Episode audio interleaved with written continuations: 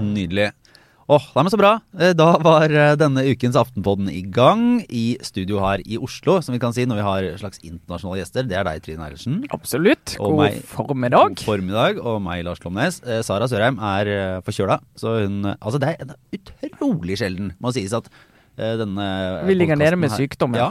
Ja. Det er en, en, en motstandsdyktig podkast, dette her. Men av og til så går selv de sterkeste i, i bakken. Så Sørheim eh, er hjemme og blir frisk. Men eh, vi har jo eh, som vanlig, men mer internasjonalt snitt, på Kjetil Alstheim inne fra Glasgow. Ja, nesten. I hvert fall fra Skottland, av det utvidede Glasgow-begrepet. Jeg, for jeg er inne fra Edinburgh. For jeg, er, eh, jeg, jeg bor her, så driver jeg togpendler til, eh, til Glasgow. For det er en sånn vanvittig kamp om hotellrom og Airbnb-leiligheter og alt mulig i Glasgow. For byen er jo stappfull. Men, ja, det, ja, ja, det, men er det, jo egentlig et greit bytte, det, da? Fordi, fordi Edinburgh er jo en, en hyggeligere by sånn vanligvis enn det Glasgow er, hvis jeg skal komme med en karakteristikk. Det er veldig fint her. altså Nå sitter jeg på et sånn eh, bed and breakfast-rom. eh, med Nydelig utsikt over, eh, over byen. Fine høstfarger, fint vær til og med. Er det teppe på gulvet? med et vindu som Ja, selvfølgelig.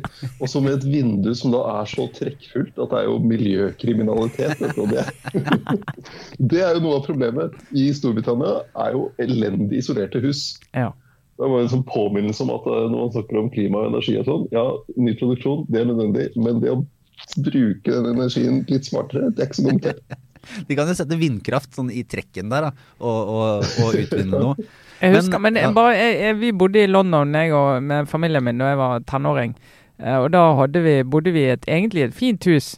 Men der var det også disse trekkfulle vinduene. Så det alle britiske hjem hadde, selvfølgelig i tillegg til teppe på gulvet, det var utrolig tjukke gardiner. Altså virkelig sånn trelags, firelags gardiner. så det var isolasjonen, da. Men politisk, da, så, så er du i Glasgow. Uh, fordi uh, fordi det er jo ikke, du er jo ikke på ferie. Det er jo da klima, uh, klimatoppmøte. Eh, og så har vi vi runden her. Altså COP26. COP26, ja. Altså, men er altså, det, det her må vi bare ta aller først. For nå kommer jeg litt sånn basic inn i det her. Men altså 26, hvor kommer det inn i bildet? Vi er i 21, er vi ikke det? Eh, Skal vi begynne med hva COP er, eller? Ja ja, det kan vi godt. Ja, Det er Conference of the Parties. Altså en konferanse for partene. Og det er da partene til klimakonvensjonen. Som ble laget på et chartmøte i Rio i 1992. Og så har du da partsmøtene. Du hadde det første i Berlin i 1995, så det var COP1. Og så har de hatt da hvert eneste år, bortsett fra det som da skulle vært i fjor, COP26, som da ble utsatt til i år. Som er, så det er nummer 26 i, i rekken av disse årlige eh, klimatoppmøtene. Men eh, da, siden nysgjerrighet ofte er et godt eh, virkemiddel eh, um, altså, er, men, altså De som er partene, er det noen her som ikke er parter? Er det noen av landene som det er står på gangen og ikke er med? 196 eller 198 land eller noe sånt, så det er, eh, da er det et veldig rart glemt land. De, de aller, aller fleste land i verden er med på dette. Det er vanvittig mye mennesker her, da. Det er omtrent 30 000 som er med på dette. Men jeg har ikke helt forstått heller om det er Altså Er det et sånn et eh, enestort et sånn stort sånn messetelt, sånn som du har ute på Hellerudsletta eller en eller annen sånn derre Russetreff. ja, ja, altså er liksom alle samla? Hvordan er det organisert? Er det sånn at alle er liksom i et område innafor en festival, eller er det spredd utover eh, i, i både liksom geografi og, og ulike grupper? Nei, du, har, du, har, du har et sånn hovedområde der eh, forhandlinger og sånt skjer. Det er stort, det. altså. Det er langt å gå. masse flere halv, Det er sånn halv på halv med, med ulike møterom og, Uh, og sånne paviljonger. F.eks. Bellona har sin egen paviljong der. De nordiske landene har en paviljong, og der har de sånne små seminarer om, og diskusjoner. Tar opp forskjellige temaer. i Tyske paviljongen og, og sånne ting. Og så har du da to store plenumssaler, svært pressesenter, masse møterom. Eh, Så der er det, der er jo en, eh, delegater, eh, noen observatører fra miljøbevegelse, fra næringsliv og sånne ting, og journalister som kom, er akkreditert inn der. Og så har du mye som skjer utenfor, folk som ikke slipper inn der. Men som er sånn green zone, som det kalles, der det skjer er masse events og, og enda flere seminarer og mange som skal liksom presentere sin løsning eller diskutere eh, hvor langt er det frem til eh, utslipps- eller klimavennlig fly, eller hva det måtte være. Så det er, liksom, det er en sånn svær klimafestival egentlig som preger hele Glasgow. Men festival høres jo på en måte gøy ut, da. Eh, et, sånn, et kjempetoppmøte for å forhindre at verden går under og, og overopphetes og Eh, slitsomme politiske prosesser som man kanskje ikke ser noen vei ut av, høres ikke så sånn festlig ut. Hva er stemningen? Altså, er det liksom uh, Øyafestivalen, Arendalsuka, uh, et partilandsmøte altså hvor, Hva vil du sammenligne det med? Melodi Grand Prix. Ja, ja Maskorama. er det uh, Nei, jeg vet ikke om det treffer på noen av meg. Du kan sammenligne litt med Arendalsuka. Når, liksom når, du går rundt i Arendalsuka, så treffer du på plutselig masse folk som, i pollen der og sånn. Eh, og her, når du da går gjennom det blue zone det heter, der forhandlerne er og sånt, så det, det, har vært, det har vært veldig tjukt med mennesker, veldig tett. Eh, og så plutselig kommer det da en sånn gjeng som går med litt høyere tempo, der det er noen sånne ekstra sikkerhetsvakter. og det er tydelig at ok, her kommer det en eller annen president eller statsminister i et eller annet land i verden, og jeg vet ikke hvilket det er. så hvis du hadde, tatt, hvis du hadde fått liksom noen litt store venner til å gå, gå, rundt deg litt fort gjennom, så hadde, hadde, du på en måte blitt antatt å være en, en enda viktigere person enn du er? En slags uh, statsleder? det er verdt å forsøke. Men hvis vi går inn i det som er eh, si, målet og, og, utviklingen og prosessene der, helt, eh, helt kort da, til de som ikke har skjønt det. Altså, hva, som, hva kan komme ut av dette her? Ja, du har, uh, det her er en sånn forhandlingsmaskin uh, med, med, en del prosesser som har gått over mange år. Så fikk den store Parisavtalen i 2015, der det er noen deler av den som ikke er helt på plass ennå, som gjelder regelverk uh, for hvordan avtalen skal følges opp. Men jeg bare lurte på, Kjetil, den altså, politiske dimensjonen i det. vi ser jo altså i Europa og i Norge så har du en debatt som handler om akkurat i disse dager, egentlig. Eh, høyere energikostnader. Det er dyrt med å få varmet opp hus både her og der. Eh, og du ser at eh, sant, Vi i Aftenposten har jo skrevet om hvordan man nå bygger nye kullkraftverk i Tyskland. og altså hvordan, altså politikken fungerer sånn at du får en reaksjon fra folk når eh, energi blir dyrere. Eh, og så er man ganske rask da med å si at nei, men det, det, må vi eh, kompensere for på en eller annen måte. Enten ved å, som i Norge, at du sørger for at noen får eh, penger tilbake igjen, eller andre steder hvor du da går tilbake til energiformer som vi vet er er veldig eh, skadelig for klimaet. Altså, hvordan, hvordan, denne høsten hvordan preger den diskusjonen om man gjør det? Jeg tror den, altså, Det har jo preget mye av diskusjonen opp mot uh, møtet, men det er, ikke, det er ikke sånn at det setter dagsorden her. De ser på en måte gjennom akkurat den akutte krisen nå, men det viser jo bare hvor, hvor stor, store endringer som må til. da, og sånn som India kom med, med, med noen løfter her uh, i, fra Narendra Modi de skal bli karbonnøytrale eller ha netto null utslipp i 2070. og så var det en del som ble litt sånn det var jo ikke så ambisiøst fordi Kina sier 2060, og USA og EU og Storbritannia og Norge sier 2050.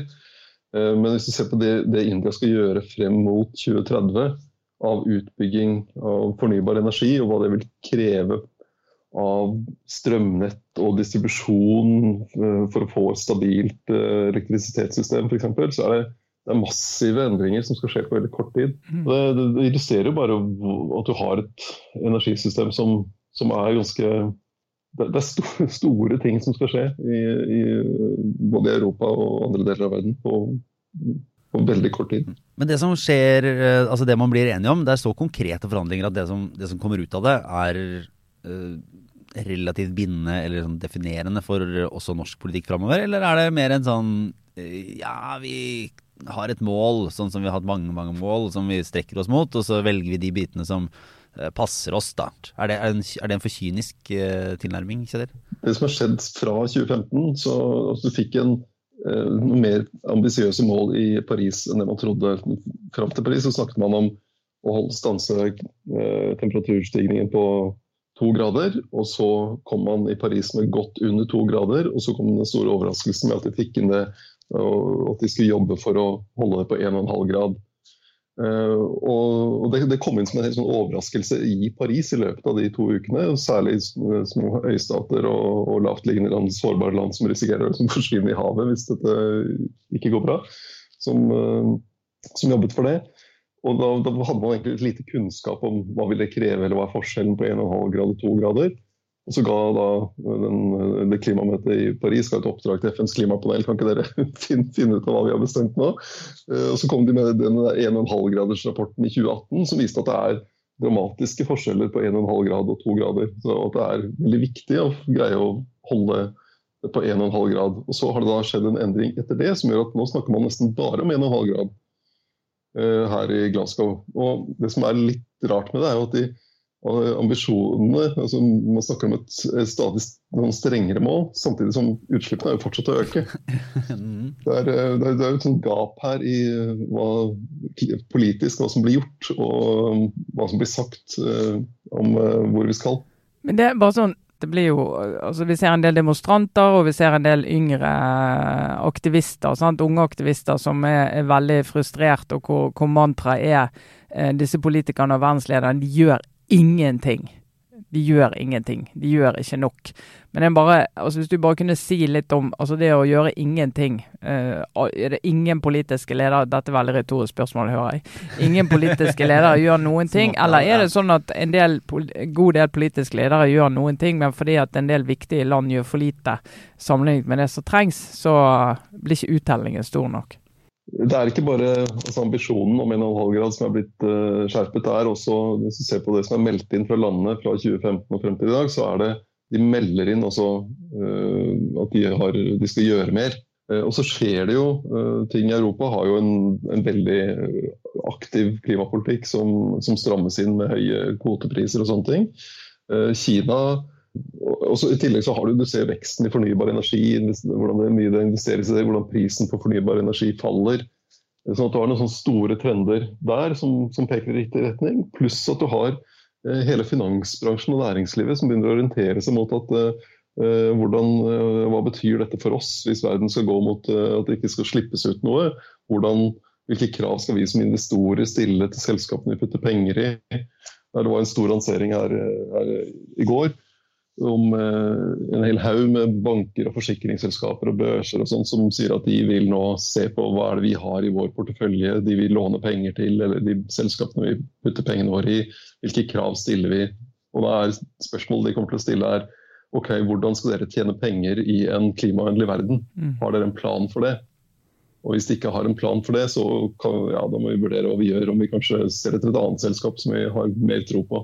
Det er vel litt der oljefondet skal, ikke det? Jo, det er eh, det, er, det, som, eh, det utvalget som var ledet av Martin Skanke, anbefalte noe som ligner på det. og Det er, det er, liksom det er viktig å være tydelig på hva det handler om. Det handler ikke om å si at nå skal oljefondet bare gå ut og investere i, i vindmøller og solenergi og sånn. Det handler om å si hvor, hva er forretningsmodellen i et selskap. Er det sånn at vi tror det har en fremtid i en verden som tar klima på alvor? Har de en, liksom en plan fremover som, som, er, som er, virker troverdig, eller har de det ikke?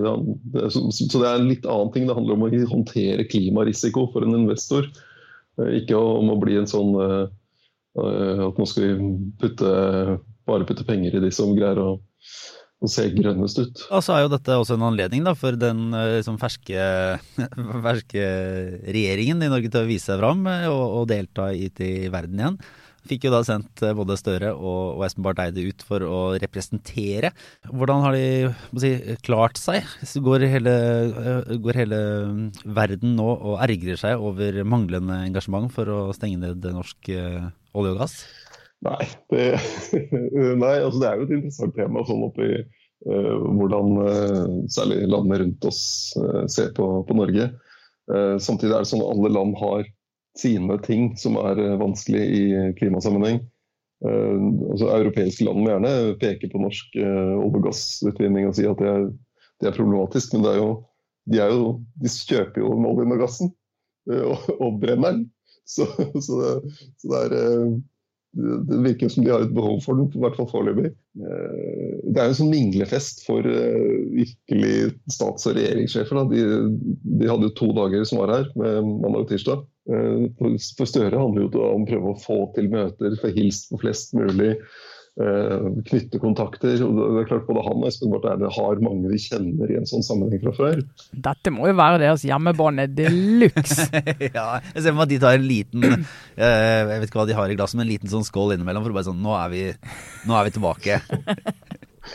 en, uh... Ja, de var jo på sånne mottagelser på kvelden med prins Charles og Boris Johnson, og, og Støre fikk snakke litt med Joe Biden og sånne ting. Men du ser jo også at de hadde et veldig håp da, om at de skulle få til et Eh, møte mellom Støre og Emmanuel Macron. Uh, og det kunne vært veldig nyttig for Norge nå, for Frankrike overtar formannskapet i EU neste halvåret. Men uh, Macron fant plutselig ut at han skulle dra hjem litt for tiden, så det ble ikke noe av. Det er så brutalt mye av det der, uh, diplomatiske, liksom, sosiale spillet. Ja. Og på en måte Det er gøy å følge med på, men også litt sånn måte ynkelig, eller hva skal jeg si, Norge, da. Som, som, du får bli påminna litt om hvor lite land vi er, og hvor mye bekreftelse vi trenger å få. da. Når du får sånn eh, Ja, Jonas Gahr Støre fikk vekslet noen ord med Joe Biden, og så får du sånn spør etterpå hva man snakket om, så var det sånn Ja, da, jeg går ikke så i detalj på det, åpenbart. da, Det ville du kanskje ikke gjort uansett, men det er litt sånn Jeg mistenker jo at det var mest eh, hei og gratulerer og eh, småprat. Eller altså ja, men, sånn, men så tenker jeg Det er jo eh, Jeg har jo, eh, skal innrømme det, jeg har fått litt uh, tyn for at jeg snakket ned utenriksministerjobben her for noen uker siden, da, så nå skal jeg snakke det opp. men Eller den type rolle. For det, altså denne verdien av de personlige relasjonene, at du faktisk får hilst på disse her, de husker fjeset ditt, de har god kjemi med deg, de har lyst til altså nå, det, det går an å kjenne igjen på seg sjøl. at du får en del henvendelser, så er det noen som tenker ja, selvfølgelig selvfølgelig tar vi en prat. Og så er det andre du tenker hvem, hvem, eh, hvem, er du? Hvorfor skal jeg bruke tid på deg? Eh, eller du har møtt deg og det er ikke noe god kjemi, og du tenker ja, jeg skal se om jeg får tid. Så det er mm. klart at denne personlige altså relasjonen og kontakten, det betyr jo noe her. Bare for å komme i posisjon til å snakke om det som er viktig, da. Eh, så jeg tenker jo det der, og der tenker jeg Støre har jo hva skal jeg si, gode forutsetninger for å knytte disse kontaktene. Det må jo være en av hans aller sterkeste ferdigheter. Mm. Men er det sånn Kjetil, at Norge går inn i dette med sånn eg, altså egen agenda, eller sånn noe helt sånn tydelig, kort fortalt, som vil være, være en suksess for Norge i dette her, eller? Norge er jo, har et veldig solid team av klimaforhandlere og har hatt det i mange år. Så, så Norge har en sånn sterk posisjon i, på disse møtene rett og slett fordi det er andre land vet at her er det Norge har kompetanse. De, de er de kan lede forhandlingsgrupper. De, de har eh, eh, så, det, så Norge, Sånn sett har Norge en ganske sånn solid posisjon da, i, i, det systemet. her. Mange flinke folk som har holdt på lenge. Mye erfaringer, kjenner historikken på uh, alle de detaljene som uh, finnes i de, de, de lasset av dokumenter og prosesser og forhandlingsspor. Og forkortelser, ikke minst. Det er jo de vet hva 26 står for. det er altså COP26. Det er bare du, har ikke begynt engang. Det er når du kommer til LULUCF at du begynner å Det er da du kommer på next level, Lars. Ja, det, ja, ja det, er, det, er, godt. Ja, men Vi kommer jo tilbake til dette. Du, eh, altså, du skal faktisk hjem til Norge en tur, og så skal du tilbake? Er det så? For dette varer jo Du får høyest mulig karbonfotavtrykk. Ja. Nei, det er jo tilleggsproposisjon på budsjettet her til uka, så det blir spennende. Ja, det er jo det er den store norske hendelsen som ligger litt fram i tid. Du, du, du kan se det på video, Kjetil.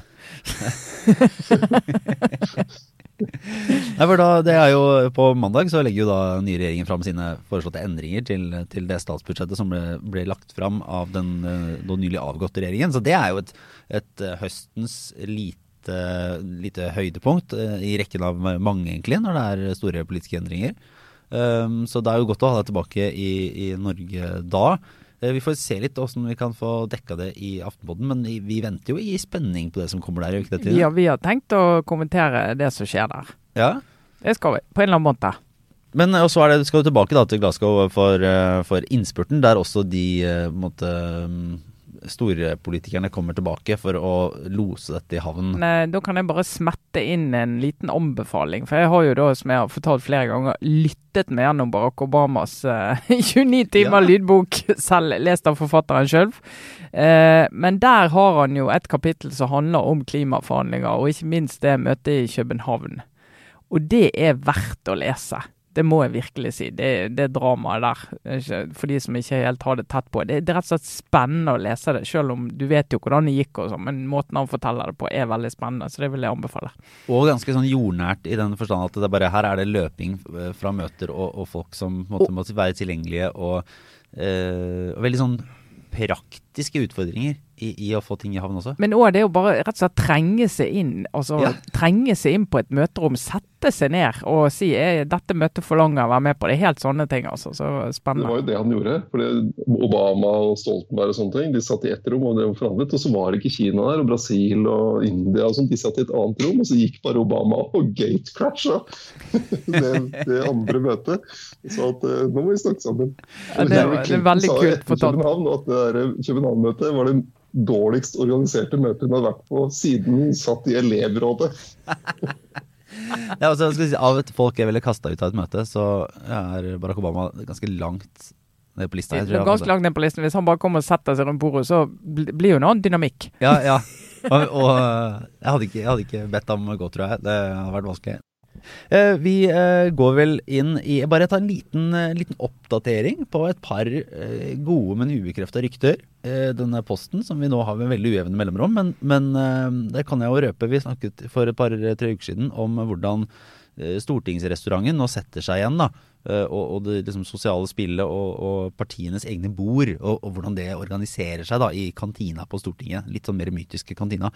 Um, der vi lurte litt på hvordan Rødt kom til å plassere seg. Uh, ja, og det må være rookie stortingsrestauranten er jo et tema. Ja, og det å plutselig være, være 7-8-9-10 stykker istedenfor å være én person. For da, når det er én, så kan du jo flekse litt rundt, antar jeg. Det er veldig hyggelig at de kan få sitte rundt med andre. Men her kan det røpes at uh, Rødt allerede har skapt en slags uh, floke på venstresida ved å uh, sette seg ned uforvarende, etter det jeg forstår, uh, på bordet til SV og, og, og, og tatt det.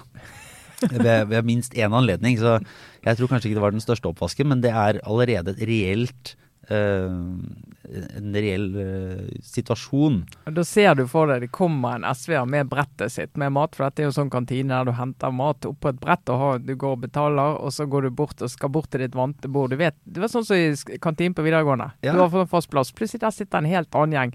Ja, så sitter den gjengen som drev og tok masse stemmer, og plutselig ble store men, hva, hva, hva, altså, ja. Og så på en måte så kan du ikke si at de skal flytte seg, men, men du tenker at dette burde de skjønt. Mm. Og sånn, eh, Politikken er jo ikke for uh, stor for sånne små uh, floker, da, enten er det ene eller det andre. Så denne lille anekdoten som, som uh, er fersk, som er en forglemmelse og noe som vi tar selvkritikk for at ikke vi tok opp allerede forrige uke, men den, den er bra nok. fordi altså, Av utenrikspolitiske store hendelser så var jo Anniken Huitfeldt da, den uh, nye da, utenriksministeren som har ansvaret for å representere, var jo da i møte med uh, utenriksministeren i Russland, Lavrov, uh, i Tromsø. Og prøvde å danne disse personlige relasjonene, da, får man jo anta. Og nettopp bygge den Bli huska, da, når, til neste anledning. Der Anniken Huitfeldt eh, skulle vise fram det er Kanskje noen som har hørt denne historien, men eh, der, altså vise fram et lite skrin som hennes bestefar etter jeg forstår, hadde enten lagd eller fått i forbindelse med at han satt som krigsfange eh, sammen med en del russere under andre verdenskrig. Og hadde da et nært forhold til, til Russland og russisk kultur. Og da viser frem, vil gjerne vise fram dette til Lavrov da, som et symbol på, på, hvor nært dette forholdet kan være. Der russiske utenriksministeren eh, høflig takket for denne gaven. Eh, og eh, proklamerte at den ville få sin rettmessige plass i eh, museet i, i Moskva. og da kommer det en sånn Ja, skal du ta det opp nå eller etterpå? Ja, og Det er en liten video av dette her som er helt uh, ubetalelig. Den må vi rett og slett sende med i nyhetsbrevet, Lars, for den er Ja. Som, uh, og, og, nesten noe av det gøyeste det er når liksom, sånn vi lager sak på dette, og så kontakter UD da, for å spørre hvordan gikk det med det skrinet, og fikk hun det tilbake, og bare, bare sånn kjølig sånn UD-kommentar. Uh, dette, dette, har vi kontroll på. Takk, over og ut. ingen, humor, ingen humor å spore der, i hvert fall. Jeg snakka med en, eh, en halvt russer som var litt sånn Ja, i russisk kultur så er det å ta med seg noe som du bare skal vise fram. det, det, mente han i hvert fall var Det var ikke Det var, det var, det var på en måte ingen tradisjon for deg. Enten tar du med deg en gave, eller så har du ingenting. Det var liksom, ha, Dette er min ting, den har ikke du. Uh, det var ikke se, jeg har, jeg har faktisk en ny mixmaster, vil du se han? Ja. Men nå tar han med meg hjem igjen. Den blomsten der. her. Komme på middagsbesøk hos noen, og så jeg skal gjerne vise deg denne vinflasken. Ja. Veldig fin vin, men han hører hjemme i kjelleren min. ja, Et symbol på vårt eh, nære vennskap. Ja, nei, det er ikke, det er ikke lett. Det er ikke lett. Det er ikke lett. Og med tolk imellom og alt mulig. Oi, Ja, oi, ja. oi. Det løste seg. Det viser jo bare, Trine, hvor vanskelig jobb det er Ja. å være Ja. utenriksminister. Det er det det gjør. Altså, som sagt, jeg, eh, dette her blir på en måte min eh, rumpetroll-gate, føler jeg. Ja, det kommer til å følge. Men eh, nesten da som en annen eh, føljetong, så får vi opp, de følge opp forrige ukes eh, bokbad med en eh, ny, et nytt eksemplar av erfaren eh, Buskerud Arbeiderpartipolitiker eh, forteller sin eh, livspolitiske historie. Altså Martin Kolberg, etter 50 år i partiets tro tjeneste, eh, har fått en eh, bok skrevet av Hege Ulstein, kommentator i Dagsavisen. Eh, som, hvis jeg skal ta på meg brillene fra Jagland-lesingen, da, eh, så vil jeg si at Kolberg ikke leverer på samme nivå når det gjelder eh, spark og karakteristikker.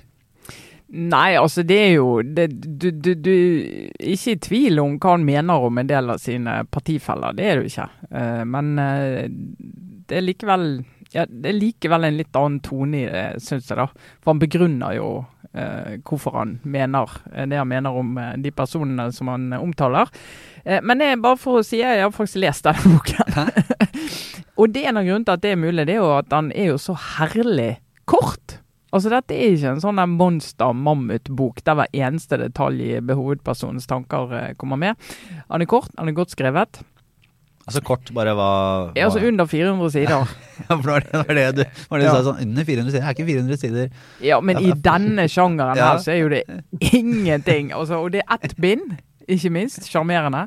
Eh, og det betyr jo at det er jo eh, litt eh, strammere enn det andre. Jeg syns det er en god bok, og jeg syns at alle som er nysgjerrig på Arbeiderpartiets historie, og forstår en del av de gnagsårene som det partiet drar med seg og aldri syns å bli ferdig med, må gjerne lese denne boken. Eh, for det er jo lett å, å glemme det at eh, Kolberg har jo vært der bestandig.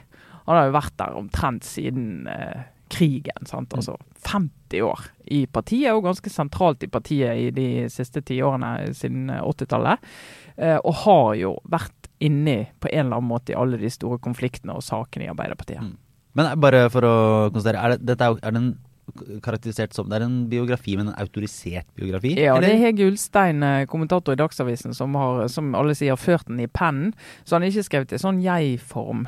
Eh, så det er veldig sånn tydelig da, at eh, det er hun som forteller hans historie. Eh, godt fortalt.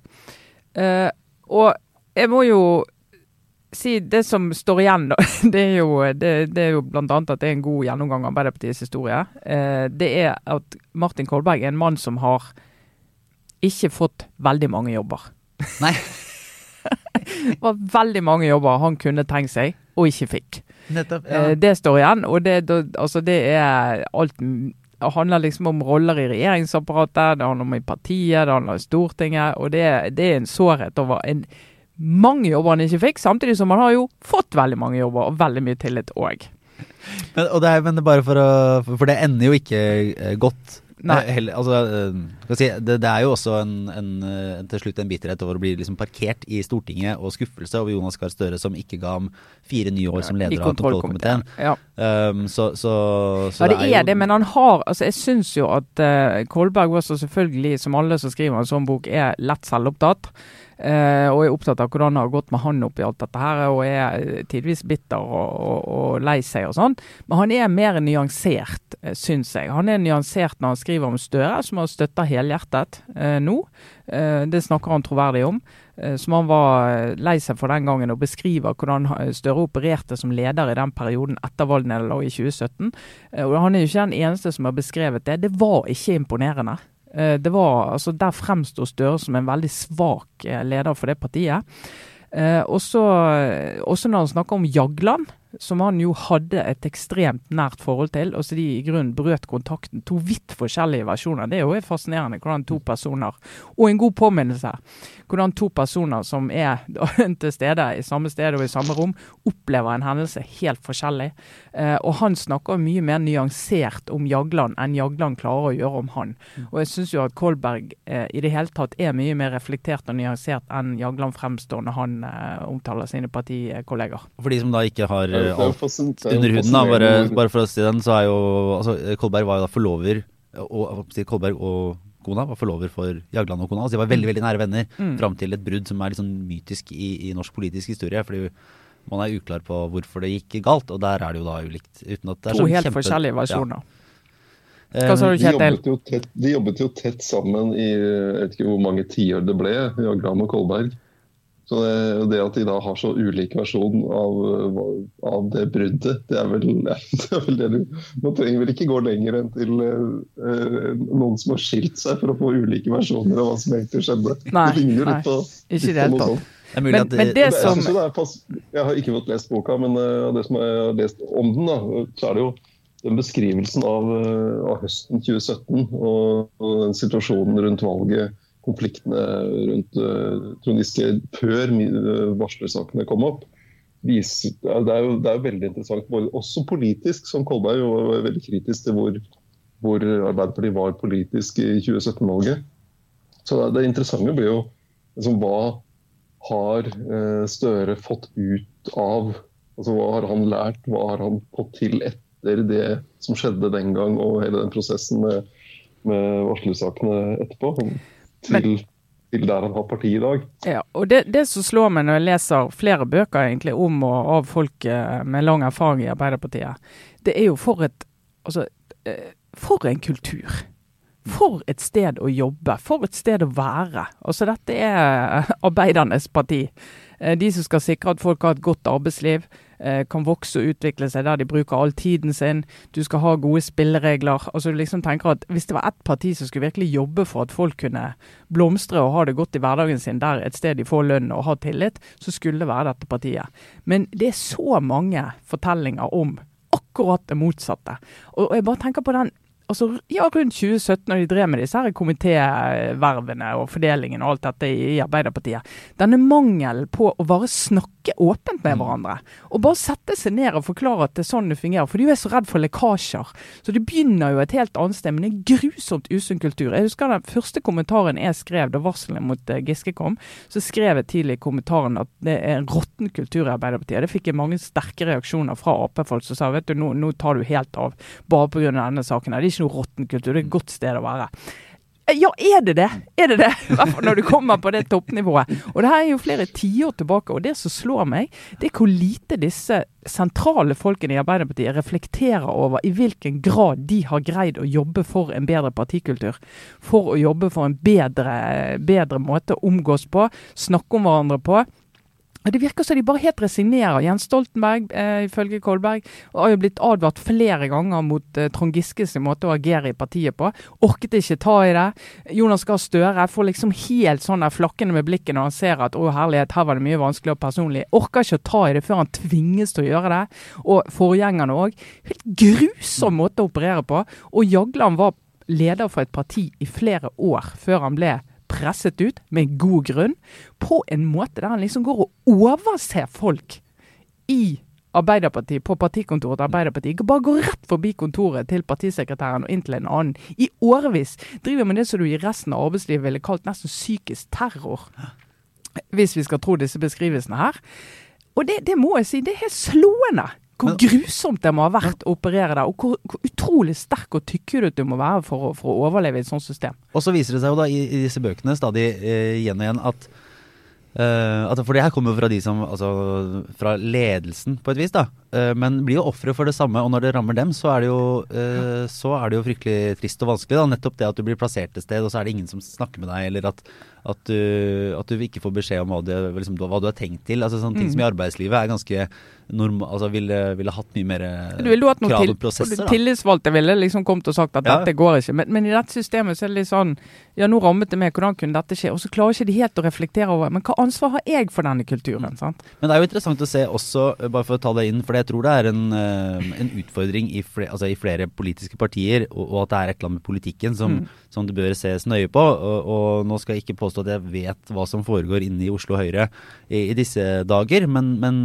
det er jo et et sterkt fylkesparti som uh, er i en situasjon der ingen egentlig har lyst til å ta over som uh, fylkesleder. Uh, og der det har vært gjentatte konflikter nå det siste året. Altså grupperinger som står mot hverandre, mistillitsforslag som dukker opp, som, som, for alt jeg må vite har gode eller dårlige grunner. Det, det er nå åpen, men der man liksom ikke klarer å tilsynelatende ha en ålreit kultur eller samtaler, eller, eller altså mm. den politiske konflikten da, som ligger i, i, kjernen av veldig mye politikk, blir liksom Det får spille utover, uh, utover politikkens grenser og inn i det arbeidslivsmessige eller det personlige.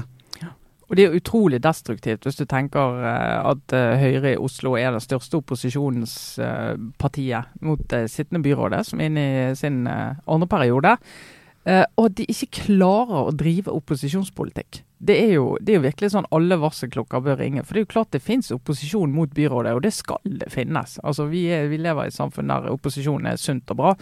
Eh, og de klarer også å bruke nå så mye energi på internt dilldall at de ikke klarer å, å, å ytre en sunn og, og god opposisjon mot, uh, mot uh, styrende byråd. Ja, nei, vet du. Og det, det, er litt sånn Høyre i Oslo, som har vært så viktig. Det er litt sånn som Trøndelag i Arbeiderpartiet. Det er liksom bastioner for disse mm. to store partiene. Og det, akkurat i de bastionene der foregår det ting som du tenker Er det mulig? Er det mulig? Men, uh... det, er, det, er, altså, de jo, eh, det, er, jo helt krise de, for det partiet at de har den situasjonen nå. Det er under to år til eh, kommunevalget. Og de har en, ja, hun, byrådslederkandidaten Anna Berygg, som er lite kjent i byen. Virker ikke som hun uh, står solid i partiet heller. Uh, og de har, uh, altså de har rot i sitt eget hus. Og så har de jo Hvordan skal de bygge en koalisjon som kan gi et ny, annet styringsdyktig flertall? Har, Oslo Fremskrittsparti er jo Hva skal man si? Rykende branntomt det, er, det, er en, det er, en, raritet altså, de, som de kanskje blir avhengig av. Hvordan skal de få med seg Venstre i et samarbeid med Frp, når, når Venstre jo har, eh, er nødt til å matche MDG på klimapolitikk og klimaambisjoner? Så så er liksom, Hvordan skal Høyre manøvrere i det landskapet? Skal de prøve å, å dra MDG ut av det samarbeidet med SV og Arbeiderpartiet? Det, og, og, hva gjør Venstre oppi det? Vil de Ser de at eh, altså, Høyre bare roter med seg selv? Uh, Frp er, uh, er ikke, ikke, noe å stole på. Skal de heller prøve å manøvrere seg inn i en posisjon der de, sånn som de gjorde, forsøkte på tampen av forrige kommunevalgkampen, prøvde å si at vi kan jo være et alternativ for byrådet som en samarbeidspartner om budsjett i stedet for Rødt. Prøve å ta den, mm. den posisjonen. Så er det, ikke, det ser ikke lyst ut. Altså, Arbeiderpartiet gjør det jo ikke så godt i Oslo, men uh, de har et flertall, solid flertall fortsatt på, godt flertall på målingene fortsatt. så det er jo, uh, Oslo Høyre har jo dårlig tid på å få få skikk på, på sakene sine. Altså. Ja, Forrige gang var det, tok det 18 år med Høyre-byråd før det ble skifte. Og det kan fint bli 18 år før det blir skifte med, den, med, den, med dette lang, tempoet. Men jeg syns jo han eh, unge Høyre-lederen eh, Ola Svenneby han er jo han er en god analytiker, eh, opplever jeg. Og har en del sånn skarpe gode innspill til oss Oslo Høyre. Så han, eh, han mener jo at Høyre har mistet liksom grepet om disse unge urbane velgerne, eh, som også er opptatt av klima og miljø, og som ønsker seg en annen vri eh, på den politikken, og klarer ikke å utnytte den muligheten. Altså han har en del altså Jeg håper i hvert fall noen tar han med i diskusjonen. Mm. Da tror jeg at vi går videre til en liten runde obligatorisk refleksjon her på, på tampen. Jeg vet ikke om du vil begynne, jeg, Kjetil? Jo da, jeg kan begynne. Jeg jo, det er jo en ting med dette klimamøtet er jo, det, er noen, det har vært noen vanvittige køer inn for å komme inn i denne blue zone med forhandlinger. Eh, det er liksom kø for å komme inn til køen til sikkerhetskontrollen. Eh, så da har jeg rukket å høre gjennom en, eh, opptil flere podkaster, men bl.a. en lang en fra, i The Daily-feeden fra New York Times, som er The Sunday Read, som handler om hvithaier på Cape Cod i, i, Massachusetts, som jo er et sånn eh, sommerparadis sommerparadis for mange. Mm. Og der, eh, der, der eh, antallet hvithai har bare vokst kraftig eh, pga. at man har tatt eh, bedre vare på sel, og så blir det mer å spise for, eh, for hvithaien. Og så driver folk og surfer der og, og veldig fått ganske sånne dramatiske angrep. Og, og hva skal man gjøre med det? Skal man nå skyte ut mer sel for å få færre hvithaier, eller kan man eh, overvåke disse haiene og sånne ting. Så er det ganske, ganske spennende Men, podkast som ja, anbefales. men, men er det, men er det en greie Altså, jeg, jeg ville tenkt at én altså, Jeg skal ikke si at én hai er én for mye, men på badestranda mi så vil det egentlig være sånn at det, altså, det, at det ikke at, at det, Har det alltid vært hai der, men nå blir det no, liksom, noen flere? Hva slags skala er det vi snakker om? vet du det? Ja, det, er, eh, det har, liksom- det har økt, eh, økt antall eh, og fått flere angrep og, og sånt. Og så har de drevet og merka en del av disse hvithaiene for å se, prøve å telle hvor mange det er og sånn, og hvor de henger. Så det, det er jo noen som da sier at vi, jo, vi bader med barna, men de får ikke gå ut mer enn til vannet kommer, går opp til knærne. Så, Nei, men altså, her må vi, her må vi heie på haien. Unnskyld meg. Altså, det, her har jeg eh, Jeg har sett meg gjennom timevis eh, med dokumentarer om eh, hai. Eh, og for jeg har en eh, åtteåring som er veldig opptatt av dette, så da sitter vi og ser på dette sammen. Uh, og de fleste av de, veldig mange filmer, det handler om hai, der haien blir uh, plassert i rollen som farlig for mennesker. Noe vi må passe på. Hvis vi får mulighet til å drepe en hai, så må vi drepe en hai. Og det er liksom alltid sånn dun, dun, dun, dun, dun, dun, musikk, Ja. sant. Mhm. Rett fra haisommeren når det kommer sånn Her kommer haiflokken inn, og Haien hører til i havet. De fleste haiene, jeg vil nesten si alle, er egentlig ikke farlige for mennesker. Menneskene er mye farligere for haien enn haien er for mennesker. Og mange haityper er utrydningstruet, fordi det er en sånn myte rundt hai om at de er så farlige for mennesker. Og da må vi liksom se litt på hva er det som gjør at du hadde så få hai der eh, at det var greit å bade der en periode. Er det ubalanse i økosystemet? Er det mer balanse i økosystemet nå? Dette må du se helhetlig på. Kan ikke gå på én badestrand og se at her blir folk angrepet av hai. Få gå og bade et annet sted, da. Men det her det, problemet er jo at folk, her drar folk ut og bader midt oppi maten til hvithaien. Ja, og dessuten, på hvithaien sånn vil heller ha sel. sel. Ja, altså Hvithaien vil jo heller spise sel enn en eller annen sånn der eh, mager eh, amerikaner uten underhudsfett. Det skjønner jo alle. Men, ja, jeg skjønner jo det, men det hjelper ikke når en tar feil. Det her uh... Ja, men, men vi, må være, vi, må være, vi må ikke gå inn og begynne å jakte på uh, å få ned bestanden på hvithai bare fordi at du ikke får uh, bade. Som sagt, da må du bade et annet sted. Hvis det er, men hvis det er ubalanse i økosystemet, så må du gå inn og se på det. Men du kan ikke bare gå inn ett sted. Men er dette Nå nærmer oss utrolig en farlig diskusjon i, i norsk forstand også. Er det lettere å være så bastant i, i, i den fjerne fauna? Her har vi altså litt ahoi? Ja. Ja, du, du det kan på at, at det blir sånn Hvor er det det er farlig å bade pga. ulv? Ja, ja. Men altså, ja, og ulv er jo heller, har jo heller ikke rykte på seg for å angripe mennesker. Og det er jo heller ikke det som er problemet med ulv, det er jo at han angriper eh, beitedyr. Eh, så haien han eh, holder nå på med sitt og har egentlig ikke noe sånn voldsomt behov for å jakte på mennesker. Så inntrykk av at haien jakter på mennesker, det er jo et uhell. Et, et, et mer eller mindre hendelig uhell. Ja, nei, er altså her, her, her dukker det opp ting, eh, Trine. Den eh, eh, Med interesse. Vi skal se når den kommer uti uh, havgapet utafor den hytta vi og Ja, når klimaendringene slår til, så tror jeg den uh, pipa her får en ganske annen, uh, annen lyd, altså. oh, men jeg vet ikke, jeg kan jo egentlig bare komme med en eh, en, eh, min, min lille obligatoriske refleksjon. Eh, Her kan jeg også innrømme at jeg kanskje har vært litt lite forståelsesfull eh, overfor dine klager tidligere, Trine. For det, fordi det er vel noe dere, du og kanskje Sara også har vært, vært innom.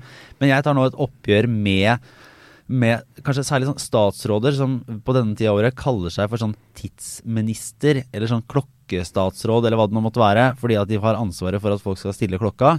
Sånn, Drit i det. Altså, det er ikke noen ærestittel i det hele tatt. Den, eh, den der klokkestillinga må vi bli uh, ferdig med. Ja, jeg vet ikke hvor mange år vi har snakket om det der. Jeg. Nei, det, det, men jeg tidligere så har det vært sånn Ja, ja, men du Min, min, min holdning har vært eh, du, altså, at er sånn utelivsorientert, da. Så, så lørdag til søndag, så eh, Du vinner noen og du taper noen, da. Av og til så får du en time, av og til så mister du en time. Ja. Og det går i null. Men med Eh, en gang du er i babyfasen, ja. da blir du helt hysterisk opptatt av de her ukene på høsten og våren der du har akkurat fått ungen i sånn sove, soverutine, og så kommer den der eh, klokkegreien og ødelegger alt sammen. Det kan ødelegge en familie. Altså, der, der, er, Denne uka her er det sånn eh, flere morgener klokka fire. Den har stått opp. Det er, det er, ikke, det er, altså, det er ikke morgen.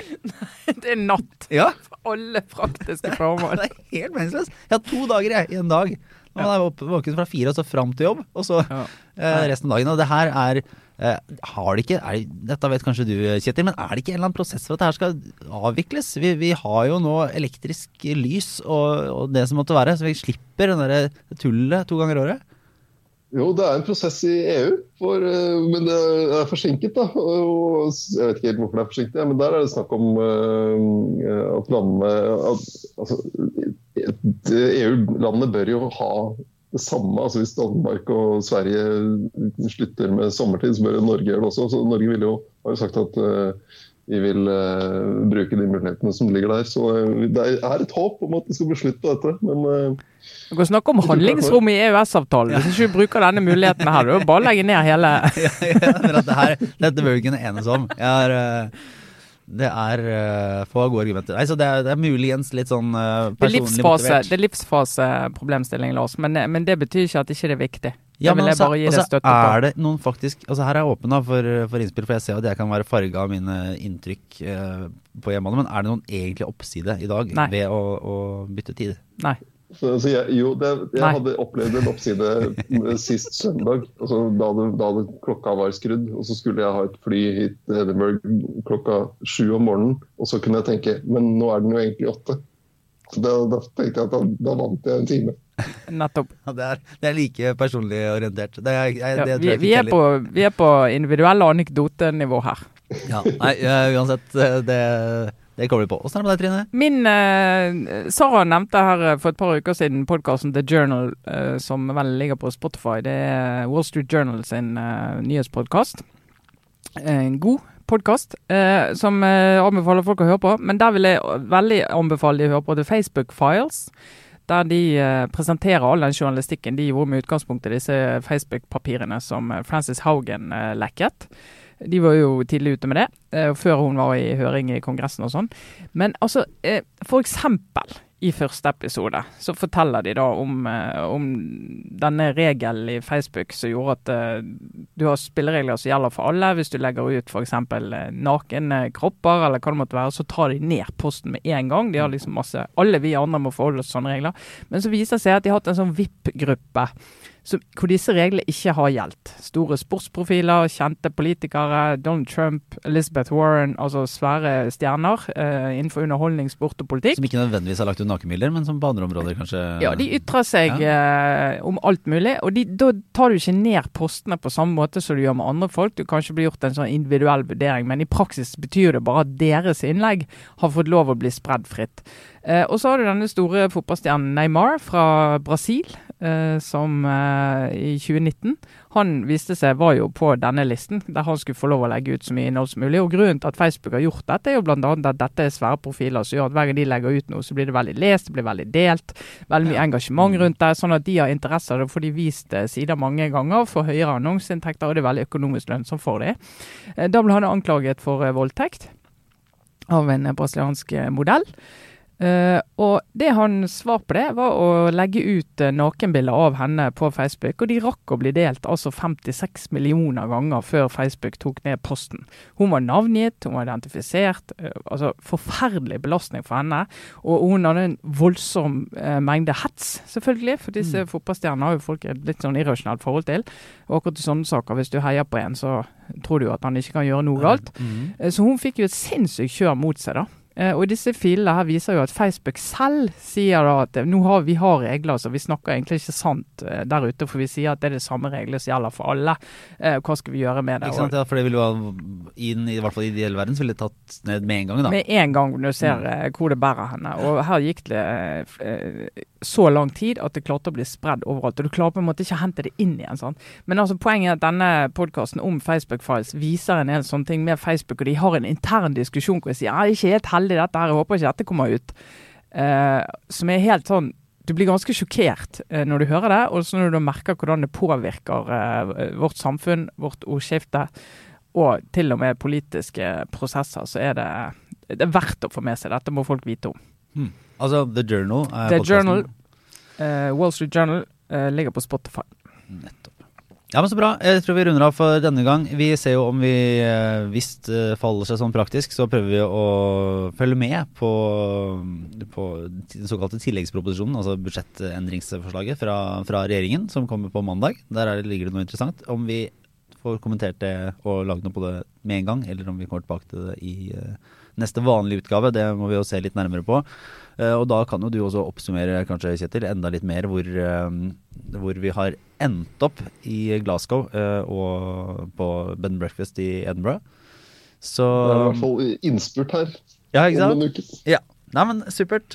Takk for nå, Kjetil, for at du var med. Så ønsker vi Sara god bedring igjen. Og så sier vi ha det bra fra Trine og meg. Det var Aftenposten. Ha det bra.